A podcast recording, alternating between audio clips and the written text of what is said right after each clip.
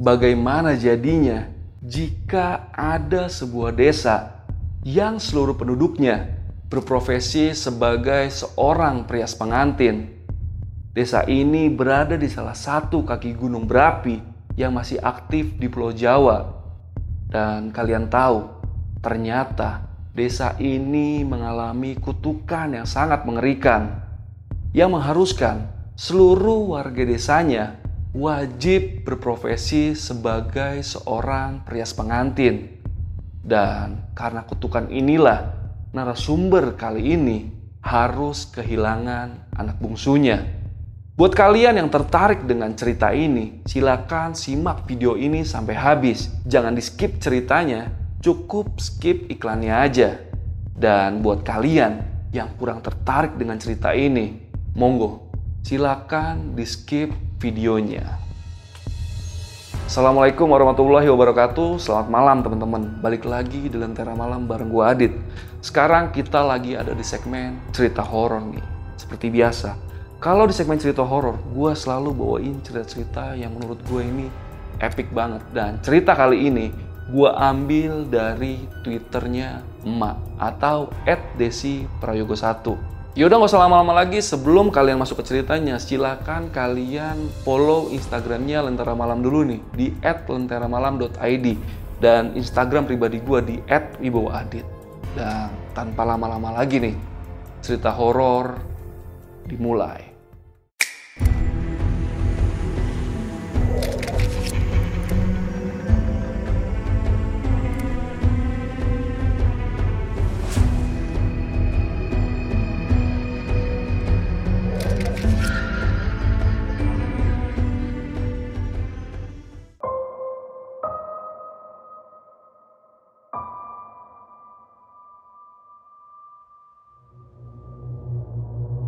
Yuli adalah nama narasumber yang mengirimkan cerita ini kepada tim emak selaku tim penulis cerita ini.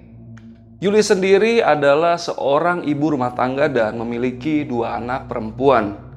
Yang pertama bernama Titis berusia 7 tahun dan yang kedua bernama Tania berusia 5 tahun. Suami Yuli bernama Mas Wijak atau di rumah akrab disapa dengan Mas Wi. Yuli hadir dari sebuah desa yang sangat terpencil dan jarang terjamah dari dunia luar. Tapi ada yang unik dari desa tempat kelahiran Yuli ini, dan hal itu yang menjadikan pembeda dengan desa-desa yang lainnya. Secara spesifik, desa asal Yuli ini sama dengan desa-desa yang lain, sangat asri dan warganya ramah-ramah. Letak tempat tinggal Yuli ini berada di lereng salah satu kaki gunung berapi yang masih aktif di Pulau Jawa. Di desa itu masih dapat kita jumpai rimbunnya hutan, air sungai yang sangat jernih, dan udara yang sangat sejuk. Tapi jangan salah, di balik keindahannya, desa itu masih menyimpan sejuta misteri yang terkubur rapat di dalamnya. Dan faktanya, bahwa semua penduduk desa wanita di desa itu memiliki satu profesi yang sama. Semua berprofesi sebagai perias pengantin. Yang Yuli tahu, desanya itu telah dikutuk oleh seseorang yang sering mereka sapa dengan nama Nyai. Sosok Nyai ini sangat disegani oleh semua masyarakat di desa itu, termasuk keluarga Yuli sendiri. Profesi sebagai prias pengantin adalah satu profesi wajib dari wanita di desa itu. Katakanlah seperti orang tua Yuli. Memang kesehariannya ia bertani, tapi sebenarnya profesi utama orang tua Yuli adalah prias pengantin. Jadi kalau sewaktu-waktu ada orang yang mau memakai jasanya untuk merias pengantin, tapi waktunya bersamaan dengan musim panen, mereka akan lebih mengutamakan untuk merias daripada panen di sawah. Dan bahkan mereka rela membayar orang lain untuk menggantikan tugas mereka panen di sawah. Bagi mereka panen itu bukanlah sesuatu yang penting dan mereka percaya kalau sampai mereka menyepelekan profesi merias pengantin, bisa-bisa mereka akan mendapatkan masalah di dalam hidupnya yang selalu datang silih berganti. Para saudagar di sana pun memaklumi hal tersebut karena istri-istri mereka juga menggeluti profesi yang sama, yaitu seorang perias pengantin. Menurut sepengetahuan Yuli, sumpah sang nyai ini tidaklah main-main, di mana nyai itu bersumpah. Siapa saja perempuan yang telah menginjakan kakinya di desa ini, artinya dia sudah menyerahkan jiwanya secara penuh untuk menjadi pengerias pengantin, dan itu akan menjadi pekerjaan utamanya. Apabila ada di antara mereka tidak menjalankan sumpah ini, maka satu desa akan terkena musibah akan datang kesialan dalam hidup masing-masing orang. Bukan hanya sekali, melainkan selama orang itu masih bernyawa. Kurang lebih seperti itu sumpah sang nyai yang diketahui Yuli berdasarkan apa yang disampaikan oleh ibunya. Dan sumpah itu akan terus diwariskan secara turun-temurun kepada keturunan masing-masing warga asli desa tersebut. Nggak ada yang tahu nih pastinya kapan sumpah itu dibuat dan nggak ada yang tahu juga kapan pastinya sang nyai menyampaikan sumpah tersebut kepada masyarakat desa tempat Yuli.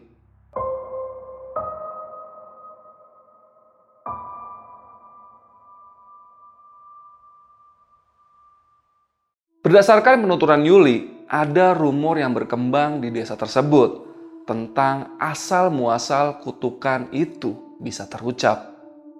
Jadi dulu ada seorang perempuan yang mau menikah di desa itu.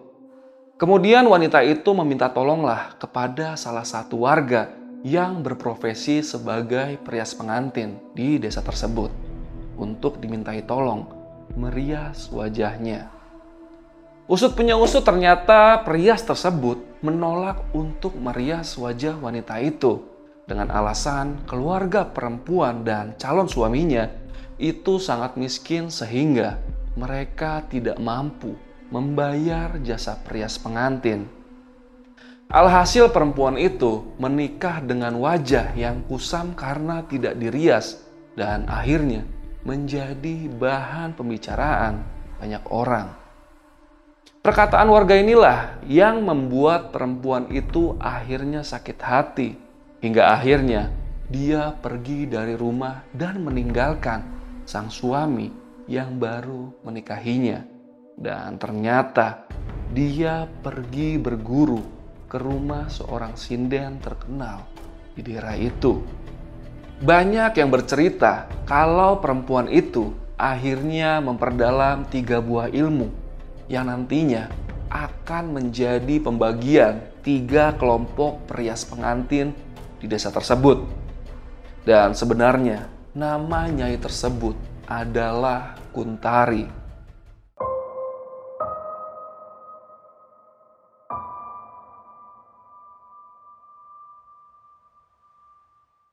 Di desa ini terbagi menjadi tiga kelompok perias pengantin yang Yuli tahu, kelompok tersebut dibedakan berdasarkan pemberian tumbalnya. Kelompok satu memberikan tumbal anak kambing betina. Kelompok dua memberikan tumbal penggalan kepala sapi betina. Dan kelompok ketiga memberikan tumbal anak gadis manusia. Dan ibu dari Yuli ini adalah bagian dari kelompok tiga, yaitu kelompok yang memberikan tumbal anak gadis manusia.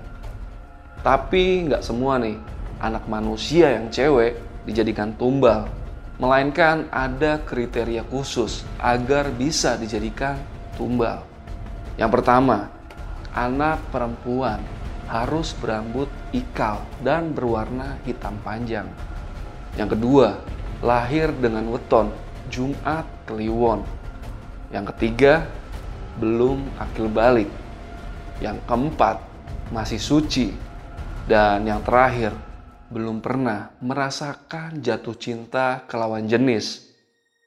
Biasanya tumbal itu akan diminta satu tahun minimal satu kali. Apabila bisa memberikan lebih dari satu dalam tempo satu tahun, maka bisa dipastikan orang tersebut akan sangat diagung-agungkan oleh orang-orang di kelompoknya. Biasanya Ibu Yuli memberikan tumbal satu anak, dan kalau kebetulan ketemu dua, ya ibunya akan memberikan dua kali dalam setahun. Katanya sih income yang didapatkan oleh ibunya jauh lebih besar apabila beliau bisa memberikan tumbal lebih dari satu kali. Meski begitu masyarakat di desa itu hidup makmur dan sejahtera. Tidak ada nih kasus kelaparan atau pengangguran di desa tersebut. Semua orang di desa itu seakan memiliki perannya masing-masing punya tugas dan tanggung jawab masing-masing juga. Mereka saling bahu-membahu dalam hal yang sangat menyesatkan. Dan kurang lebih seperti itulah gambaran mengenai desa tempat asal Yuli sesuai dengan yang dia ceritakan.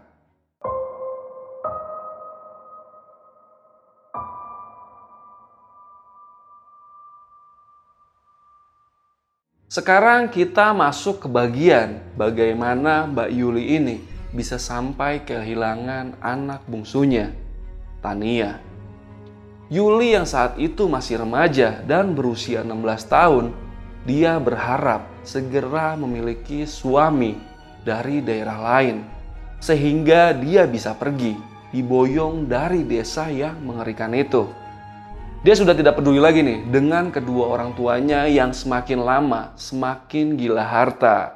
Yuli sudah tidak kuat lagi melihat teman-temannya meninggal satu persatu karena dijadikan tumbal oleh kelompok ibunya itu. Pokoknya bagi Yuli nih, kematian mendadak anak-anak kecil di desanya membuat dia semakin trauma.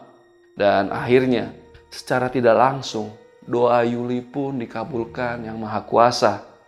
Di usianya yang menginjak usia 22 tahun, dia dipersunting oleh sang suami dan diboyong ke kota tempat sang suami bekerja. Kebetulan sang suami tidak bisa nih meninggalkan pekerjaannya, makanya Yuli diboyong ke kota itu. Yuli berharap kutukan itu bisa hilang seiring dengan langkahnya pergi meninggalkan desa itu. Awalnya orang tua Yuli tidak setuju nih jika dirinya pergi dari desa itu bersama suaminya. Tapi Yuli terus memaksa sampai akhirnya restu itu bisa terlontar dari mulut kedua orang tua Yuli.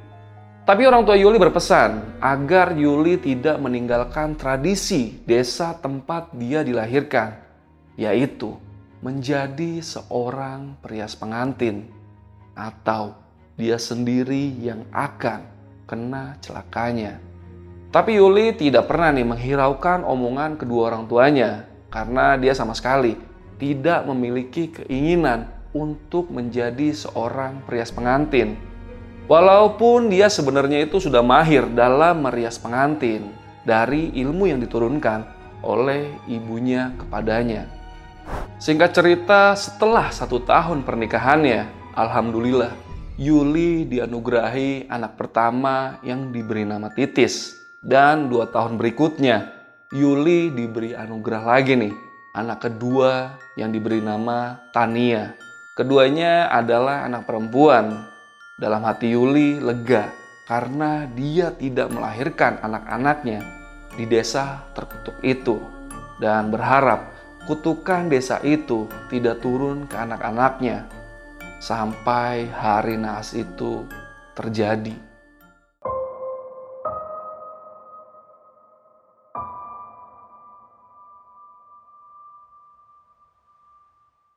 Sore itu Yuli kedatangan salah satu temannya yang bernama Titin. Ini di notis sedikit ya. Titin nama temannya. Kalau anak pertama Yuli itu bernama Titis. Nah, ketika Titin masuk ke rumah Yuli, dia nggak sengaja nih melihat ada perlengkapan rias yang berada di sebuah meja di dekat sofa di rumah Yuli. Meja itu adalah meja rias Yuli yang dia bawa dari rumahnya di kampung dulu. Selain membawa meja rias, Yuli juga membawa semua alat riasnya dan make upnya yang dia kumpulkan dulu. Meja rias serta perlengkapan itu sebenarnya akan nih dibuang oleh Yuli. Mungkin karena dia ingin benar-benar lepas dari bayang-bayang desa tempat dia dilahirkan. Tapi karena terbatasnya waktu dan karena harus mengurus rumah tangga, meja rias tersebut masih tetap berada di rumah Yuli. Melihat macam-macam riasan yang Yuli punya, membuat Titin tertarik. Dia langsung meminta Yuli untuk merias wajahnya, dan dia minta dia dirias seperti pengantin adat Jawa. Kebetulan alat rias milik Yuli ini semuanya masih lengkap, dan Yuli di situ sempat menolak permintaan Titin karena sedang kurang enak badan dan sudah tidak mau nih berhubungan dengan dunia rias pengantin lagi. Karena dia pun masih trauma dengan apa yang terjadi pada teman-temannya dan anak-anak yang sering mati mendadak di desanya dulu. Tapi Titin terus-menerus memaksa Yuli untuk tetap merias wajahnya dan setelah beberapa lama Titin terus memintanya untuk merias wajahnya, akhirnya Yuli pun menuruti permintaan Titin karena tidak enak hati. Yuli beranjak dan mulai merias sesuai permintaan Titin dan Yuli merasa ada yang aneh di dalam dirinya. Mendadak dia seperti orang yang sedang penuh semangat. Padahal dari tadi dia merasa tubuhnya lemas dan kurang enak badan. Dia kebingungan dengan perubahan dalam tubuhnya itu dan tanpa berpikir yang aneh-aneh. Pikirnya waktu itu mungkin moodnya kembali bagus ketika memegang alat rias miliknya itu. Karena kan memang itu bidang keahlian dia yang diturunkan oleh orang tuanya. Dan singkat cerita, Yuli pun mulai merias wajah Titin sesuai permintaannya, yaitu dirias layaknya riasan pengantin dengan adat Jawa. Saat itu Yuli merias Titin tanpa ada jeda istirahat sama sekali. Sambil sesekali nih, dia mengamati barangkali ada yang salah dan langsung dibenarkan. Dia merasa saat itu benar-benar sangat serius sekali dan sangat bersemangat saat merias Titin. Dan tidak terasa, hari sudah mulai menjelang gelap ini adalah pengalaman pertama dan terakhir Yuli merias wajah orang lain setelah dia keluar dari desa asalnya. Dan saking asiknya merias wajah Titin, Yuli melupakan salah satu pantangan yang seharusnya tidak dia lakukan saat itu. Dan benar saja, ketika Yuli sudah hampir selesai merias wajah Titin, tiba-tiba terdengar ada sesuatu yang dilempar ke kaca jendela rumahnya. Mereka berdua pun langsung berlari ke arah luar rumah, dan benar saja mereka melihat kaca jendela Yuli sudah dalam kondisi retak. Buru-buru Titin lari keluar untuk mencari siapa orang yang iseng melempar kaca jendela itu. Dan begitu Titin keluar, dia lihat dari balik pagar lingkungan sekitar rumah Yuli sangat sepi dan tidak ada orang sama sekali. Hening yang tidak biasa. Bahkan di situ Titin sampai merinding dan buru-buru masuk lagi nih ke dalam rumah Yuli. Menurut Titin, saat dia masuk ke rumah, dia melihat Yuli masih berdiri dengan keadaan bengong melongo. Titin berusaha menenangkan sahabatnya itu sambil berkata, Mungkin itu hanya sikap iseng dari anak-anak sekitar rumah saja. Tapi entah kenapa, perasaan Yuli seperti tidak tenang dan sangat gelisah. Tubuhnya kembali lemas, padahal sebelumnya penuh semangat saat merias wajah Titin. Dan tiba-tiba tangan Yuli langsung meraih tubuh Titin. Dan dengan seksama nih, Yuli mengamati riasan di wajah Titin. Betapa terkejutnya Yuli waktu itu saat mendapati bentuk riasan di wajah Titin. Sebenarnya nggak ada yang salah nih dengan riasan itu. Tapi sebenarnya riasan itu tidak bisa sembarangan diaplikasikan ke wajah orang. Karena jika ingin merias seperti itu, Yuli harus melalui ritual tertentu. Seperti yang biasa dilakukan oleh para perias di desa Yuli dulu. Karena nantinya Nyai akan menagih tumbal kepada sang perias. Sebab riasannya itu sudah dianggap dibeli oleh orang lain Meskipun saat itu Titin tidak membayarnya, tapi secara tidak langsung Titin sudah memakai jasa Yuli untuk merias dirinya, dan Yuli sudah merias sesuai permintaan Titin. Buru-buru Yuli mencari kalender di rumah untuk melihat hari itu hari apa. Dan naasnya lagi, hari itu tepat malam Jumat Kliwon. Yuli sebenarnya ingin langsung menghapus riasan di wajah Titin, tapi dia teringat perkataan ibunya karena ibu Yuli nih pernah berkata, "Kalau riasan yang sengaja dihapus untuk menghindari dirinya dari Nyai, maka bala musibah akan selalu menyertai hidupnya." Maka dari itu, Yuli langsung mengurungkan niatnya dan langsung mengambil kunci motornya lalu pergi ke rumah mertuanya. Karena saat itu nih, kedua anak Yuli sedang bermain di rumah mertuanya. Saat itu di pikiran Yuli hanya terngiang-ngiang nama Tania. Entah kenapa, rasanya saat itu Yuli ingin segera berada dekat dengan Tania. Ditinggalkanlah Titin dan dia langsung pergi ke rumah mertuanya. Kemungkinan Titin juga langsung pulang saat itu. Meskipun dalam hati Titin tersirat banyak pertanyaan dengan apa yang terjadi pada Yuli.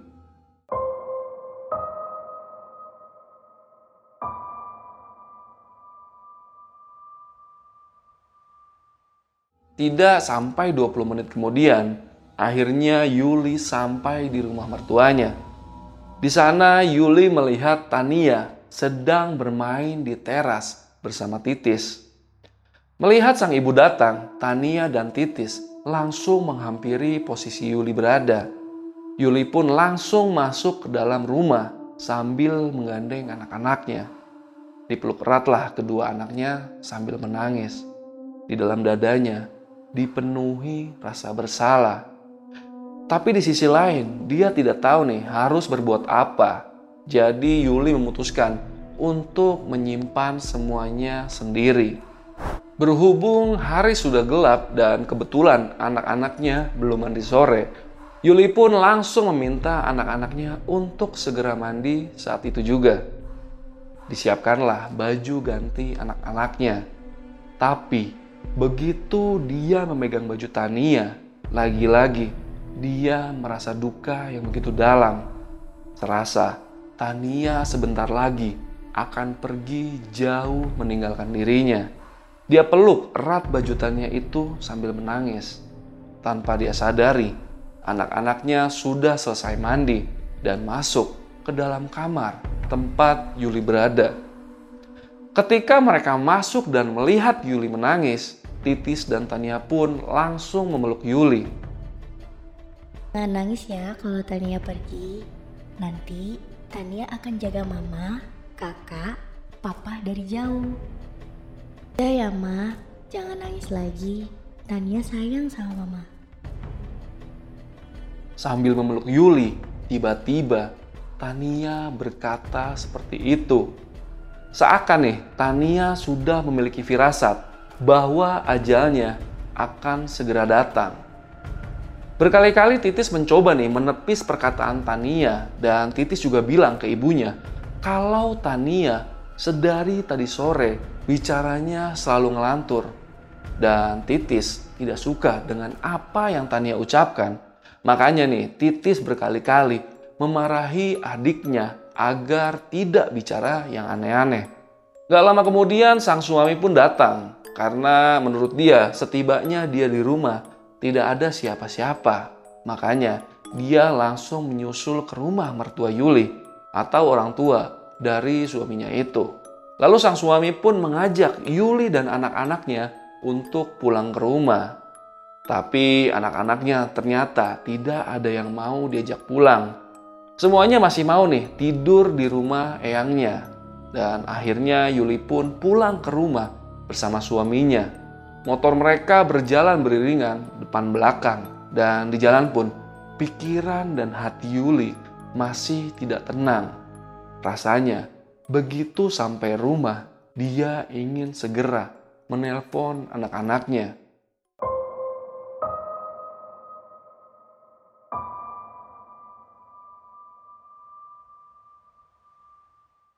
Setibanya di rumah, Yuli langsung membersihkan diri. Setelah itu, dia mau merapikan koleksi make up yang tadi dipakai untuk merias titin.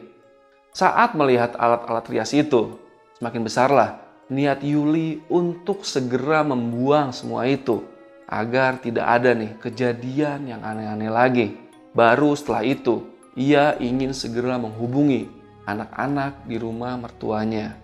Belum selesai Yuli membereskan alat-alat riasnya, tiba-tiba ibu mertuanya menelpon dan memberi kabar bahwasanya Tania badannya tiba-tiba demam, sedangkan Titis terus-menerus menangis melihat kondisi adiknya.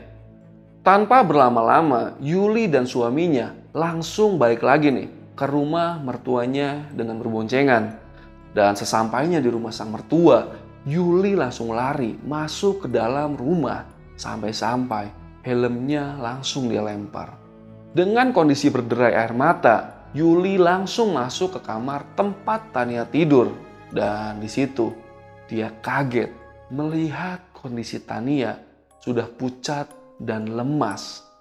Padahal tadi sebelum dia pulang ke rumah, anak itu masih baik-baik saja. Tapi kini Tania harus berbaring lemas di tempat tidurnya. Yang lebih mengejutkan lagi, tiba-tiba tubuh Tania menyusut menjadi sangat kurus. Nangislah Yuli dengan sejadi-jadinya melihat keadaan anaknya yang tiba-tiba jadi seperti itu. Nak, kamu kenapa nak? Kenapa bisa seperti ini nak? Maafin ibu nak. Yuli pun segera memangku anaknya yang sudah terkapar lemas sambil berderai air mata.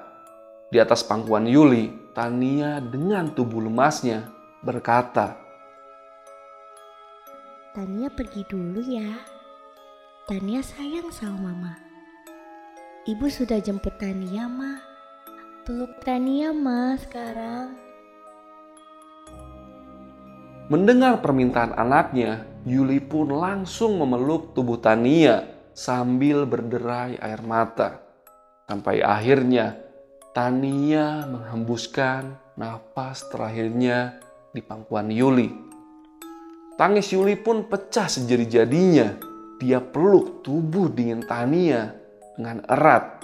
Dan dia nih berkali-kali coba goncang-goncangkan tubuh Tania dengan harapan agar Tania membuka matanya kembali. Tapi nyatanya Tania sudah benar-benar pergi. Tubuh kecilnya berubah drastis secara seketika. Anak yang gemuk, lucu, dan periang kini meninggal dalam kondisi tragis dan secepat itu tubuhnya kurus, seperti orang yang terkena penyakit kronis. Padahal semua orang tahu kalau Tania ini anak yang sehat. Jasa Tania pun mulai dilakukan prosesi sebelum pemakaman yang akan dilakukan besok pagi karena hari itu sudah cukup malam. Mertua Yuli pun mengumumkan nih kepergian cucunya kepada para warga sekitar agar dibantu pasca pemakaman dan pemakaman besoknya. Dan warga pun mulai berdatangan ke rumah mertua Yuli. Yang jadi pertanyaan Yuli dan keluarganya adalah sosok ibu yang disebutkan Tania di akhir hidupnya.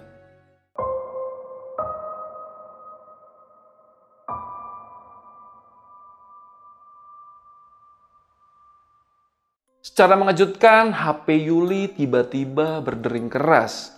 Saat itu dia lihat di layar HP-nya tertulis nama ibunya. Dan dari sekian lama mereka tidak berkomunikasi, akhirnya malam itu mereka kembali berhubungan. Yuli langsung menangis jadi-jadinya di telepon, menceritakan detail kejadian yang menimpa Tania kepada sang ibu. Rupanya Ibu Yuli sudah mengetahui semuanya. Awalnya beliau takut nih menelpon Yuli karena tahu pasti anaknya itu sedang berduka. Yang namanya seorang ibu pasti nggak bisa nih membiarkan anaknya dalam kondisi berduka seorang diri. Sebenarnya ibu Yuli marah nih karena si Yuli ini lalai.